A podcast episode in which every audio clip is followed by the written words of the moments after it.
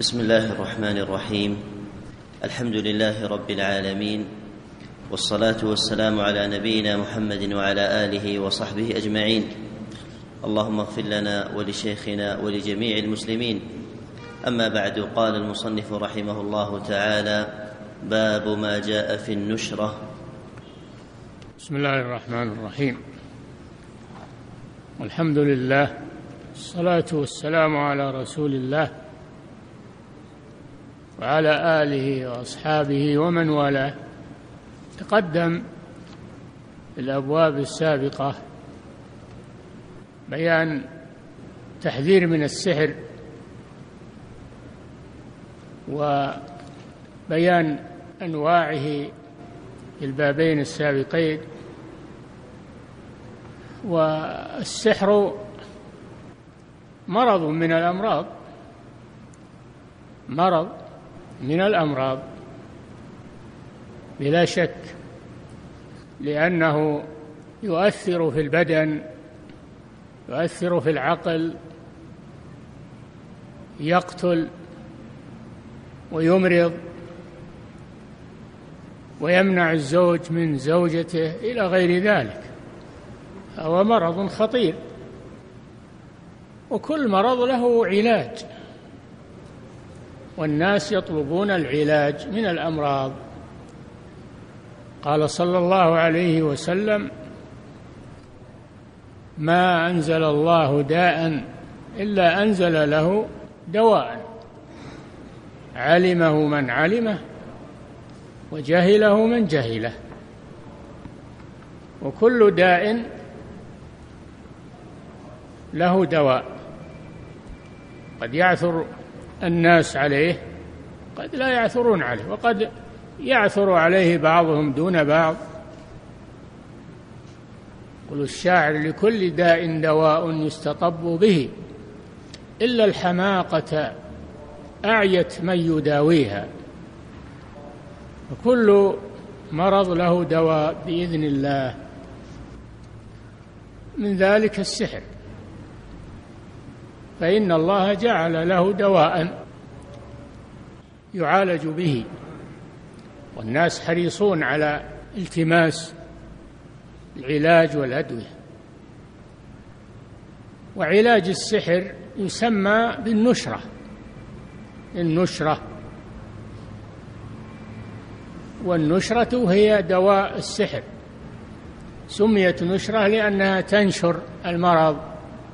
تنشر السحر يعني تفرقه تنشره حتى يذهب من المسحور.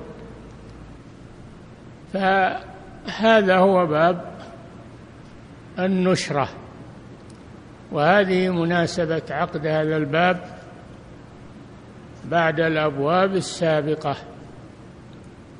في أن السحر يعالج بالدواء المناسب.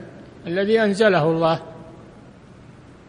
ولا يعالج بغير الدواء والرقية التي أنزلها الله سبحانه وتعالى. أن هناك من يعالجون بأشياء محرمة. سيأتي بيانها. لذلك عقد الشيخ رحمه الله هذا الباب ليبين به ما ورد في علاج السحر وأن منه ما هو جائز ومنه ما هو محرم لأجل أن المسلم يأخذ الدواء الجائز والعلاج الجائز ويترك دواء المحرم. ولا يبقى الشيء مجملا لا يدرى ما علاجه. هذا من رحمة الله سبحانه وتعالى بعباده. نعم. أحسن الله إليكم. قال رحمه الله تعالى عن جابر رضي الله عنه أن رسول الله صلى الله عليه وسلم سئل عن النشرة فقال هي من عمل الشيطان. رواه أحمد بسند جيد وأبو داود وقال سئل أحمد عنها فقال ابن مسعود يكره هذا كله. هذا الحديث سئل النبي صلى الله عليه وسلم عن النشرة. ما حكمها؟ والنشرة عرفنا أنها علاج السحر. فقال صلى الله عليه وسلم هي من عمل الشيطان. هي من عمل الشيطان. الشيطان قيل المراد به جنس الشياطين وقيل المراد به الشيطان الأكبر الذي هو إبليس لعنه الله. نعم سيأتي أن هناك نشرة هي من عمل الشيطان. هذا الحديث يدل على أن من النشرة ما هو من عمل الشيطان. فيجب علينا أن نتجنبه ونبحث عن ما هو مباح لنا. سئل الإمام أحمد عن النشرة فقال ابن مسعود عبد الله بن مسعود الصحابي الجليل يكره هذا كله يعني يكره النشرة لأنها يدخلها المحذور ويدخلها ما لا يجوز ولا كل الناس يعرفون المباح من غير المباح. فتجنبا للوقوع في المحظور كان ابن مسعود رضي الله عنه يكره هذا كله من باب الاحتياط. يكره وكلمة يكره عند السلف يراد بها التحريم. أما عند المتأخرين يريدون بها كراهة التنزيه. نعم. أحسن الله إليكم. قال رحمه الله تعالى وفي البخاري عن قتادة قلت لابن المسيب رجل به طب أو يؤخذ عن امرأته أيحل عنه؟ أو ينشر. قال لا بأس به إنما يريدون به الإصلاح فأما ما ينفع فلم ينهى عنه. انتهى. هذا الأثر في البخاري. معلقا. هذا من المعلقات في البخاري. والمعلق هو الذي يرويه البخاري بغير إسناد. من كلام السلف أو من الآثار. يرويها في صحيحه وهي على نوعين معلق بصيغة الجزم وهذا صحيح عند البخاري أن يقول أن يقول مثلا روي عن النبي صلى الله عليه وسلم أو جاء عن النبي يقول جاء عن النبي صلى الله عليه وسلم أو ورد عن النبي صلى الله عليه وسلم هذا معلق مجزوم به عند البخاري. النوع الثاني معلق غير مجزوم به كأن يقول روي عن النبي ذكر عن النبي صلى الله عليه وسلم وما أشبه ذلك. فسئل سعيد بن المسيب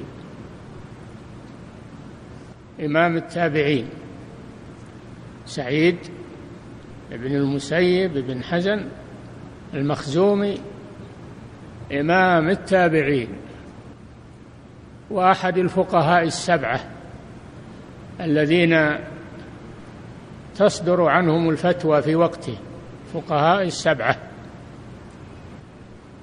منهم ابن المسيب رحمه الله تابعي جليل. سئل عن الرجل عن الرجل به طب. به طب يعني سحر. عن الرجل به طب يعني سحر. أيحل عنه أو ينشر. المعنى واحد. فالنشرة هي حل السحر. أيحل عنه يعني السحر. هل يجوز هذا؟ أن يحل عنه السحر أو ينشر. فأجاب رحمه الله لا بأس به أي لا بأس بالنشرة ولا بأس بحل السحر. وهذا كلام مجمل قد يفهم منه أنه مطلق وليس كذلك. ابن المسيب لا يجيز عمل السحر والحل بالسحر وإنما يريد الحل المباح. الحل المباح كما سيأتي. لا بأس به. نعم لا بأس به. إذا كان علاج السحر بأمور مباحة فلا بأس به. فلا يستسلم الإنسان للمرض وهو يجد علاجا مباحا. إنما يريدون به الإصلاح. ما يريدون بحل السحر عن المسحور بالأدوية المباحة. الإصلاح إصلاح حال المسحور. واما ما ينفع الناس فلم ينهى عنه. الإصلاح هو ما ينفع الناس ولا شك أن استعمال السحر للعلاج أنه يضر الناس ولا ينفع الناس. السحر يضر تعلمون ما يضرهم ولا ينفعهم فالسحر يضر. هم لم يرد السحر وإنما يريد ما يأتي بيانه أنه يريد كغيره من العلماء يريدون الحل المباح ولا يريدون الحل بالشيء المحرم. قال صلى الله عليه وسلم تداووا ولا تداووا بحرام. قال ابن مسعود إن الله لم يجعل شفاءكم فيما حرم عليكم. الحرام ليس فيه علاج وليس فيه شفاء بل هو داء وأعظمه السحر. فإذا كان هذا لمصلحة المسحور وقصد القصد علاجه بالمباح فلا بأس به. هذا إصلاح الإصلاح مطلوب ولم ينهى عنه. لا ينهى عن الإصلاح وما في إصلاح لا ينهى عنه. إنما ينهى عن الشيء الضار المحرم. نعم. أحسن الله إليكم. قال رحمه الله تعالى وروي عن الحسن أنه قال لا يحل السحر إلا ساحر. روي عن الحسن البصري رحمه الله كذلك من أئمة التابعين. إمام جليل مشهور الحسن ابن أبي الحسن البصري. نسبة إلى البصرة لأنه عاش فيها. سئل عن النشرة. قال لا يحل السحر. أو سئل عن حل السحر. قال لا يحل السحر إلا ساحر. نعم هذا من النوع المحرم. الذهاب إلى السحرة ليحل السحر هذا حرام ولا يجوز. لا يذهب إلى السحرة ولا إلى الكهان. والمشعوذين الذين يدعون الطب أو الطب الشعبي الآن ينتشرون بين الناس هؤلاء سحرة يجب قتلهم وإبادتهم ولا يجوز أن يتركوا يعيشون بين المسلمين. هذا ما أراده الحسن البصري لا يحل السحر إلا ساحر. هذا نوع من المحرم وهو حل السحر بسحر مثله. نعم. أحسن الله إليكم. قال رحمه الله تعالى قال ابن القيم ابن القيم رحمه الله في زاد المعاد في الطب النبوي ذكر النشرة حل السحر عن المسحور وقال إنها على نوعين. نوع محرم وهو حل السحر بسحر مثله. هذا محرم. هذا محرم. لا يجوز. وعليه يحمل قول الحسن لا يحل السحر إلا ساحر. وعليه يحمل قول الرسول صلى الله عليه وسلم لما سئل عن النشرة قال هي من عمل الشيطان. يحمل على علاج السحر بسحر مثله. هذا هو المحرم. نعم. أحسن الله إليكم. قال رحمه الله تعالى النشرة حل السحر عن المسحور. هذا تفسير النشرة. حل السحر عن المسحور. نعم. وهي نوعان. إحداهما حل بسحر مثله. إحداهما. حل بسحر مثله نوعان إحداهما يصلح هذا. أحدهما. نعم. أحسن الله عليكم أحسن الله عليكم. قال وهي نوعان. أحدهما حل بسحر مثله وهو الذي من عمل الشيطان. وهو الذي من عمل الشيطان كما قال الرسول صلى الله عليه وسلم. نعم. وعليه يحمل قول الحسن. لا يحل السحر إلا ساحر. هذا قول الحسن. من المراد حل السحر بسحر مثله. نعم. فيتقرب الناشر والمنتشر إلى الشيطان بما يحب فيبطل عمله عن المسحور. السحر من الشيطان من عمل الشياطين. ولكن الشياطين كفروا يعلمون الناس السحر. السحر من عمل الشياطين. بعض الناس يحل السحر بسحر مثله عمل محرم وهو أن يتقرب إلى الشيطان. تقرب إلى الشيطان بما يحب من معصية الله ومن الشرك بالله من الذبح لغير الله. هذا الذي يحبه الشيطان. فإذا تقرب المعالج إلى الشيطان بما يحب الشيطان من الشرك والكفر. فإن الشيطان لأن السحر من عمله. فإنه يبطله عن المسحور. يبطله عن المسحور. لأنه من عمله. وحصل له مطلوبه وهو الكفر والشرك. الله عز وجل. فهذا معنى أن السحر إذا حل بسحر مثله يرتفع. لماذا؟ لأن الناشر تقرب إلى الشيطان بما يحب من الشرك والكفر والمعاصي والذبح لغير الله. والاستعاذة بغير الله فحينئذ الشيطان يبطل عمله الذي هو السحر. أعد أعد. النوع الأول. النوع الأول إيه. حل بسحر مثله أي وهو الذي من عمل الشيطان. نعم. وعليه يحمل قول الحسن نعم. فيتقرب الناشر والمنتشر إلى الشيطان بما يتقرب الناشر شوف انتبه يتقرب الناشر الذي يعمل النشرة اللي يعالج المعالج والمنتشر وهو المسحور. هذا المشكل إن المسحور أيضا يرضى بهذا تقرب إلى الشيطان بما يحب يرضى بالسحر يرضى بالشرك يرضى بعبادة الشيطان.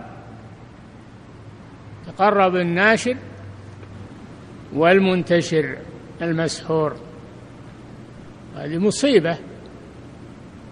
نعم. أحسن الله إليكم. والثاني النشرة بالرقية والتعوذات والأدوية النوع الثاني المباح. النشرة المباحة. وهي النشرة بالقرآن. بالقرآن. والنشرة بالأدعية المشروعة والنشرة بالأدوية المباحة التي جرب أنها يشفى بها المسحور. هذا لا بأس به. هذه نشرة جائزة مباحة. إذا قام بها من يعرفها لا يقوم بها المشعوذ والجاهل والذي يدعي الطب إنما يعرفها أهل العلم أهل المعرفة والبصيرة والإيمان. نعم. أحسن الله إليكم. لكن أكثر المسحورين لا يذهبون إلى هؤلاء. ما يذهبون إلى الناس الأتقياء الطيبين ويطلبون منهم علاجهم بل يذهبون إلى المشعوذين وإلى السحرة. وإلى المتطببين يدعون الطب أو ربما يسمونها الطب الشعبي. نعم. أحسن الله إليكم. فهذا جائز؟ هذا النوع جائز. هذا النوع جائز. كأن يقرأ عليه آية الكرسي وسورة الإخلاص والمعوذتين قل أعوذ برب الفلق قل أعوذ برب الناس لأن سورة قل أعوذ برب الفلق فيها الاستعاذة من من الساحر من شر النفاثات في العقد فيها. النبي صلى الله عليه وسلم سحر سحره لبيد بن الأعصم اليهودي أثر في الرسول صلى الله عليه وسلم. فصار يخيل إليه أنه فعل الشيء ولم يكن فعله. أصابه السحر لأنه بشر عليه الصلاة والسلام. يصيبه المرض وهذا مرض. يصيبه ما يصيب البشر من الأمراض من الهموم من الموت. هو بشر عليه الصلاة والسلام. ولا يتنافى هذا مع رسالته. ما يتنافى مع رسالته. أنه يصيبه المرض من السحر وغيره. بل هو يبتلى عليه الصلاة والسلام مثل غيره. فلما استحكم فيه السحر جاءه جبريل عليه السلام. جاءه جبريل ومعه ملك آخر والرسول نائم الرسول نائم ويشكو من مرض السحر فقال أحد الملكين للآخر ما بال الرجل؟ قال مطبوب. قال مطبوب يعني مسحور. قال ومن سحره؟ قال لبيد بن الأعصم سحره في مشط ومشاطة يعني شعر. في مشط ومشاطة في جب طلعة يعني في طلع فحل في طلع الفحل النخل. أودع هذا الشعر وهذا الشر في هذا الوعاء من الفحل. وجعله في بئر ذروان بئر بالمدينة. فعرفوا مكان السحر وعرفوا الساحر. عند ذلك رقاه جبريل بالمعوذتين.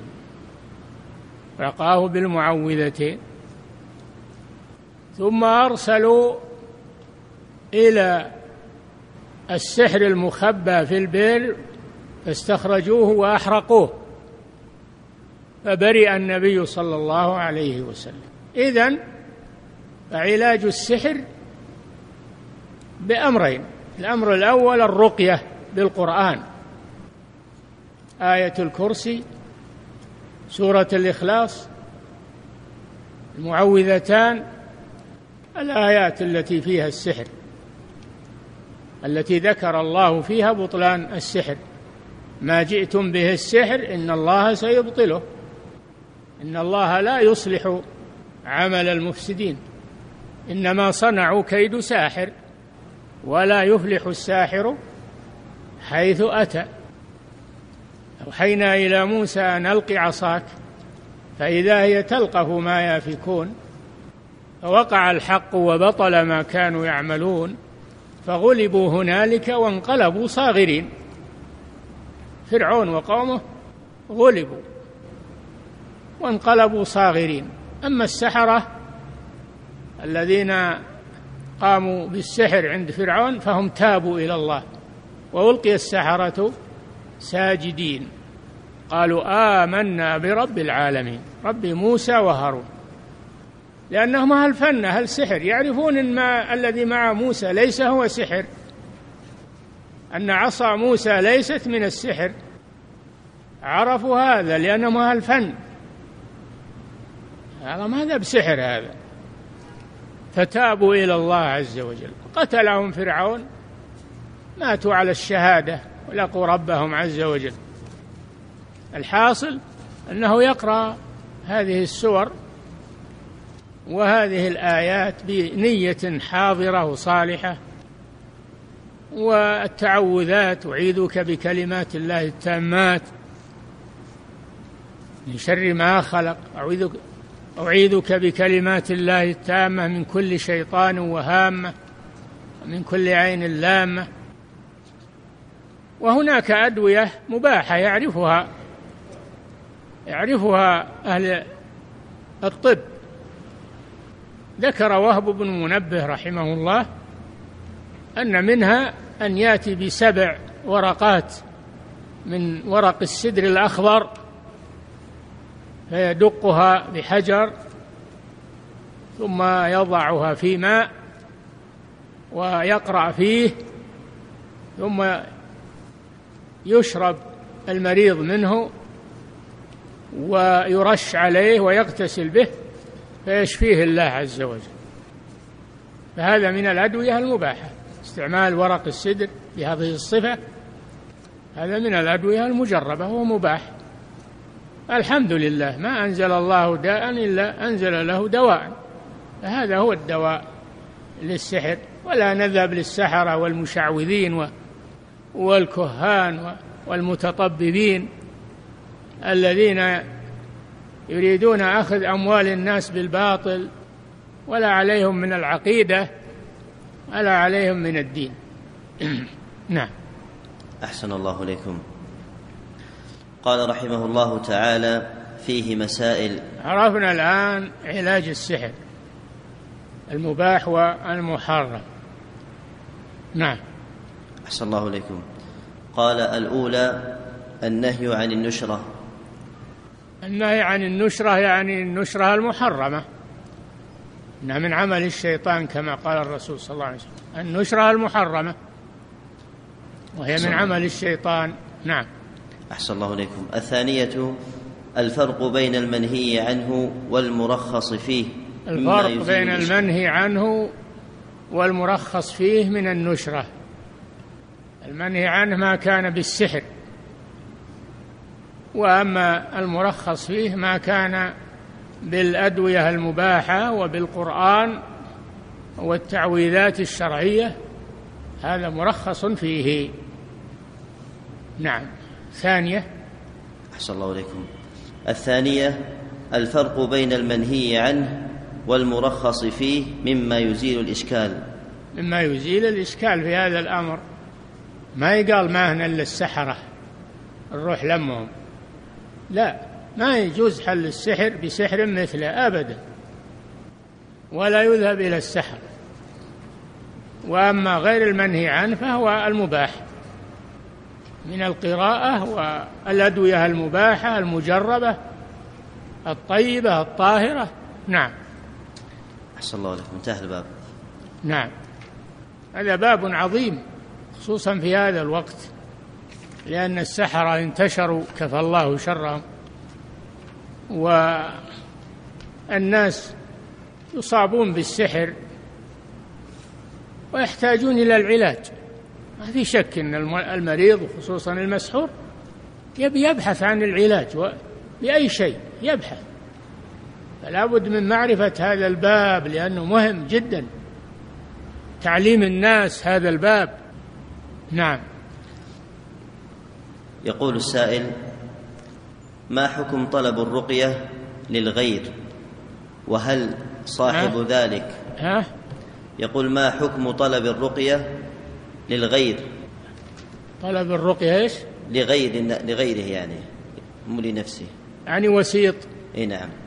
وهل صاحب ذلك لا, لا يكون؟ بس هذا شيء طيب. لا بس إنك تشوف أحد يرقي وتقول له فلان مريض تحتسب ترقيه. وهذا الإنسان معروف بالعقيدة السليمة وتوسط له عند الراقي لا بأس بذلك. هذا سعي في الخير. هذا من مثل قول هذا مثل قول سعيد بن المسيب. إنما يريدون به الإصلاح. أما ما ينفع الناس فلم ينهى عنه. نعم. أحسن الله إليكم. يقول السائل ما حكم استعمال الملح في طرد الجن زعما أن ذلك ثابت بالتجربة الظاهرة؟ هذا من الشعوذات. هذه شعوذة تحذر. يقولون رشوا سيسان البيت بالملح قولوا. هذا ما هذه شعوذة. ولا ولا عرف إن هذا دواء أو إنه يطرد اللي يطرد الجن ذكر الله؟ الشيطان ينفر من البيت أو يفر من البيت الذي تقرأ فيه سورة البقرة. تجيب ملح وتحطه. اقرأ من القرآن. استعمل الورد صباحا ومساء. أما الملح ما هو بنافعك هذه شعوذة. نعم. أحسن الله إليكم. يقول السائل هل يصح إدخال التجارب في الرقية كأن تجرب بعض الآيات لبعض الأمراض أو يستخدم شيء من الأعشاب المجربة؟ القرآن كله شفاء لا شك. وهو أنواع منوعة لجميع الأمراض. الحسية والمعنوية فيه شفاء. ولكن كل مرض له آيات خاصة من القرآن والسحر له آيات خاصة من القرآن. نعم. أحسن الله إليكم. يقول السائل بعض الرقاة يستخدم المسك ويقول إن هذا يؤذي الجن. لا يجوز هذا ولا أصل له. ما يستعمل المسك. ولا البخور ولا الدخون أو الدخان كل هذا من الشعوذات التي لا أصل لها. نعم. أحسن الله عليكم. يقول السائل ما حكم الذهاب إلى ساحر ليحل عنه السحر الذي عمل له؟ وقد رقى المسحور نفسه زمنا طويلا ولم يشف من سحره.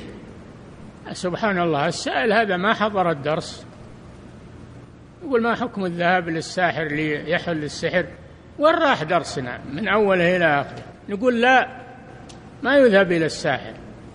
حرام. شرك بالله عز وجل. نعم.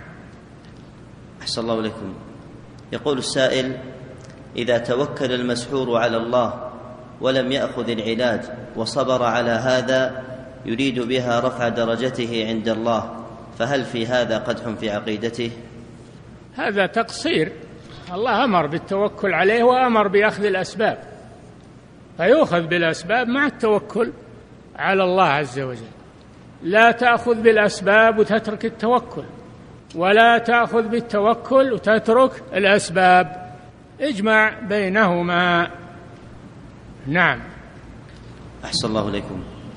يقول السائل إذا وجد العمل أي السحر فماذا نفعل لفك السحر؟ ها؟ يقول إذا وجد العمل أي السحر. فماذا نفعل لفك السحر؟ ما سمعت الكلام. ماذا تعمل؟ اعمل ما ذكر الشيخ في هذا الباب نقلا عن أهل العلم. نعم. أحسن الله إليكم. يقول السائل لي قريبة تصلي وتصوم وتقرأ القرآن ولكنها تفضل العزلة ولا تجلس حتى مع والديها. فأتينا بقارئ وقال بأن عليها مس وسحر فهل كلامه صحيح؟ ها نعرف هذا القارئ. كل قارئ يصير يصلح. هذه عنده مرض نفسي هذه عندها مرض نفسي يعالج بأمرين. الأمر الأول أنه يؤخذ لها دواء من الأطباء النفسيين والأمر الثاني أنها تعالج بالذكر والورد والرقية الشرعية. نعم. أحسن الله عليكم يقول السائل بعض الرقاة يرقون الناس ثم يتكلمون مع الجن فهل يجوز هذا في الرقية؟ هذا قد يحصل إذا كان الراقي ثقة إذا كان الراقي ثقة عنده علم بالرقية الشرعية قد يحصل أن الجن ينطق بلسان الإنسي المصاب. قد يحصل هذا. أما الراقي الجاهل والراقي الذي هذا قد يكون بينه وبين الجن اتفاق.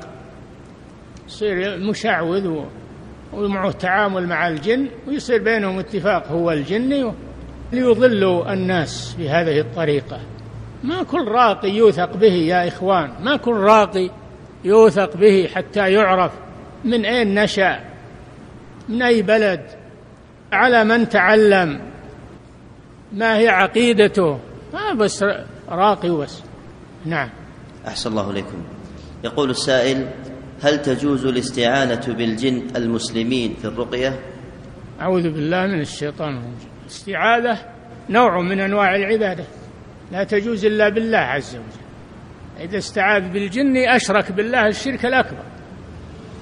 لأن الاستعاذة نوع من أنواع العبادة. الله جل وعلا قال وأنه كان رجال حكاية عن الجن الذين أسلموا. وأنه كان رجال من الإنس يعوذون برجال من الجن. هذا على وجه الإنكار. فزادوهم رهقا يعني ضعفا. تسلطوا عليهم خافوهم عقوبة لهم. فلا يجوز الاستعاذة بالمخلوق جن أو إنس إلا فيما يقدر عليه الإنسي اللي يقدر عليه يستعان به يستعان به على دفع الشر على العدو. يقدر على هذا فاستغاثه الذي من شيعته على الذي من من عدوه. أما ما لا يقدر عليه الإنسان لا يجوز أن يستعاذ به. هذا إنما يستعاذ بالله عز وجل. نعم. أحسن الله إليكم. يقول السائل هل ما يسمى الحلتيت من الأدوية التي تطرد الجن؟ لا أعرف هذا. لا أعرف أن الحلتيت يطرد الجن. الحلتيت نعم نوع من الأدوية يعرفها حتى العوام أن يستعملونه ل يشمونه عن ريح الطيب الذي يلهب الذي يلهب الجرح. الجرح يلتهب يشم الحلتيت يشم دخان هدب الأثل مثلا فينتقض التسمم هذا تسمم الجرح. يعني أشياء مجربة لا بأس بها. نعم. أحسن الله إليكم. يقول السائل هل يجوز قتل النمل الموجود في البيت بأنواع المبيدات؟ أول شيء يستعيذ منه ويحذره ينذره ينذره قبل فإذا ما خرج ولا ولا كف شره فإنه يقتل يقتل بالمبيدات. نعم. أحسن الله إليكم. يقول السائل ما حكم طلب الأجرة على الرقية؟ لا بأس بذلك.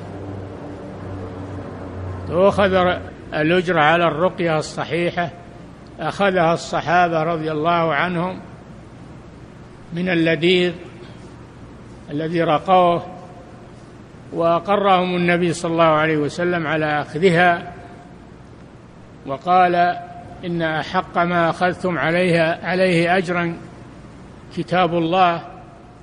نعم. أحسن الله إليكم. يقول تعالى فإن كن نساء فوق اثنتين فلهن ثلثا ما ترك. ما معنى كلمة فوق؟ يعني أن نصيب آه، البنات لا يزيد عن الثلثين سواء كنا اثنتين أو فوق اثنتين. لو كنا عشر عشرين ما لهن إلا الثلثين. فمعنى فوق اثنتين يزيل الوهم أن أن الثلثين خاصان بالثنتين. فالآية بينت أن الثلثين للبنات ثنتين أو ما فوق الثنتين. نعم. أحسن الله إليكم يقول السائل هل الفراسة من الكهانة؟ لا الفراسة ما هي من الكهانة. توقع الفراسة توقع بعلامات. إن في ذلك لآيات للمتوسمين والمتوسم هو المتفرس في الأشياء. القافة يعرفون الآثار يعرفون الدم والأشباه هذا من الفراسة الفراسة الشرعية وهذا شيء يجعله الله في بعض الناس فطنة يجعله الله في بعض الناس. نعم. أحسن الله إليكم. يقول السائل حديث من تصبح بسبع تمرات عجوة هل هو خاص بتمر المدينة أم بسائر أنواع التمور؟ هو الظاهر سبع تمرات من عجوة المدينة هذا هو الظاهر. وإذا لم يجد عجوة المدينة سبع تمرات من أي تمر؟ يأكل منها فيها فيها نفع وفيها فائدة. نعم. أحسن الله إليكم. يقول السائل نسمع في هذه الأيام إعلان النفير العام للجهاد في سوريا. ما هو توجيهكم؟ النفير ما يكون إلا من ولي الأمر. إذا استنفرتم فانفروا. ما لكم إذا قيل لكم انفروا في سبيل الله؟ قيل لكم. والذي استولى النفير النفير هو ولي الأمر خاصة. نعم. أحسن الله إليكم. يقول السائل ما نصيحة معاليكم لمن ابتلي بابن ذهب إلى مواقع الفتن في سوريا مدعيا ومتذرعا بالجهاد وعاصيا لوالديه وعاصيا لولي أمره على كل حال الله يتولاه نسأل الله أن يهديه وأن يرده سالما لوالديه. وهو أخطأ لكن لعل الله أن يرده ويتوب عليه. نعم. أحسن الله إليكم. يقول السائل ما رأيكم بمن يجعل مسألة الخروج على الحاكم الفاسق مسألة اجتهادية؟ نعوذ بالله. هذه اجتهادية. الرسول نص على هذا. نص على أنه يطاع ولي الأمر. ولو كان فاسقا ما لم تروا كفرا بواحا. ما لم تروا كفرا بواحا. عندكم من الله فيه سلطان يعني حجة. لا يجوز هذا. لما يترتب على الخروج من المفاسد وسفك الدماء وضياع الأمن المحاذير العظيمة.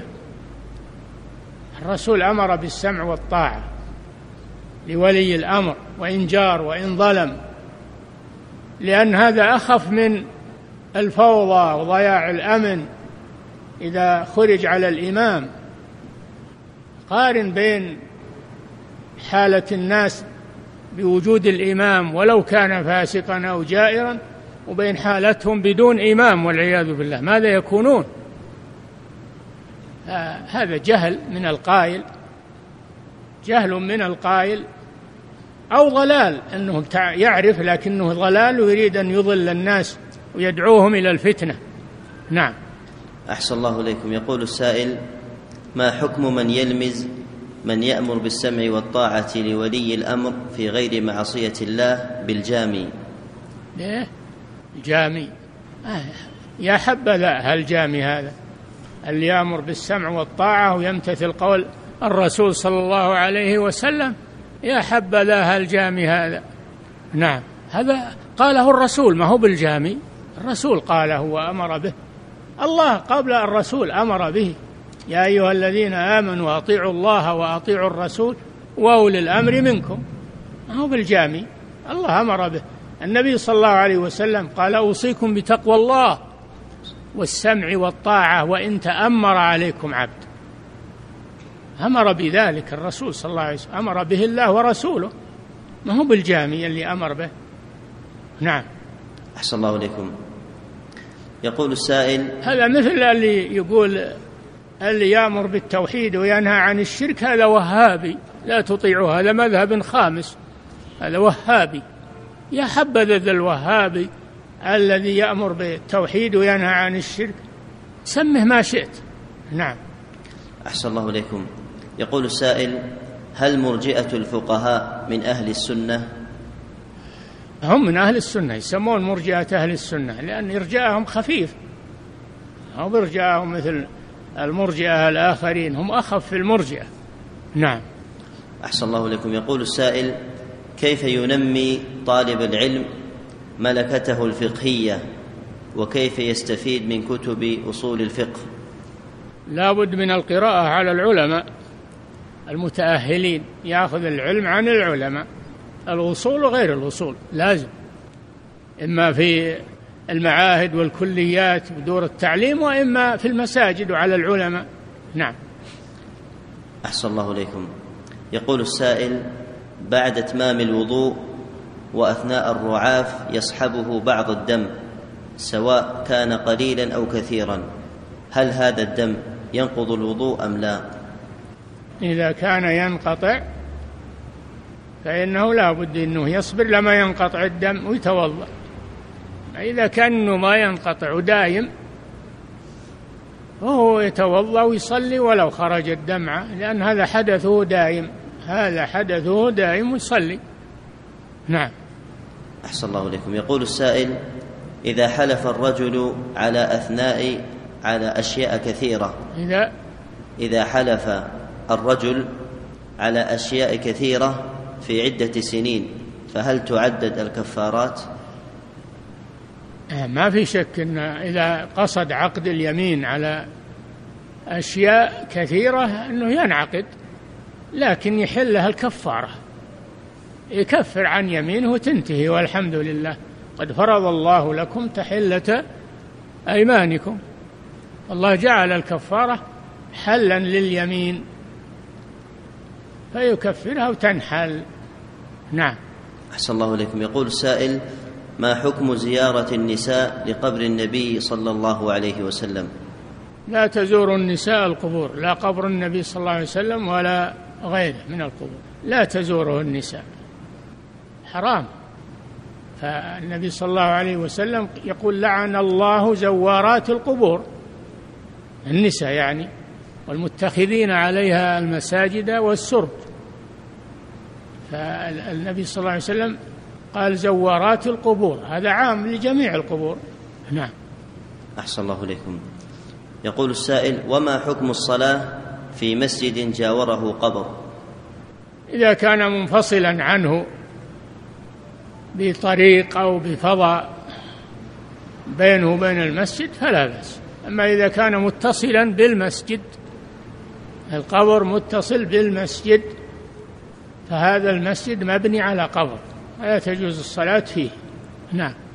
أحسن الله إليكم. يقول السائل امرأة ذهبت مع زوجها إلى العمرة فلما وصلوا إلى الحرم وجدوا زحاما فاعتمر الرجل وترك زوجته عند أولادها خوفا عليهم من الزحام ولم تعتمر المرأة.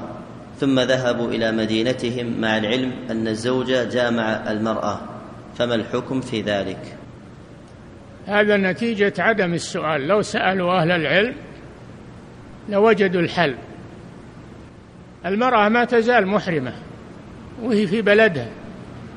تتجنب محظورات الإحرام ترجع تؤدي العمرة. إذا كان حصل عليها جماع فهي العمرة فاسدة لكن تمضي فيها وتكملها ثم تذهب مع زوجها إلى الميقات الذي أحرمت منه. الأول وتحرم منه بعمرة جديدة قضاء للعمرة الفاسدة. وتذبح شاة في مكة توزعها على الفقراء. لو سألوا من الأول استراحوا من هذا هذه المشاكل. لكن الآفة أنهم يعملون برأيهم ولا يسألون. نعم. أحسن الله إليكم. الله جل وعلا يقول وأتموا الحج والعمرة لله.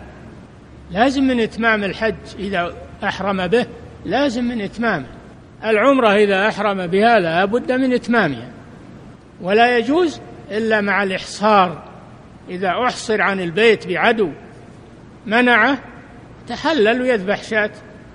أما مجرد أنه وجد مشقة المشقة ما هي بدائمة ينتظر حتى تزول في آخر الليل في وسط الليل تزول المشقة. الزحام. نعم.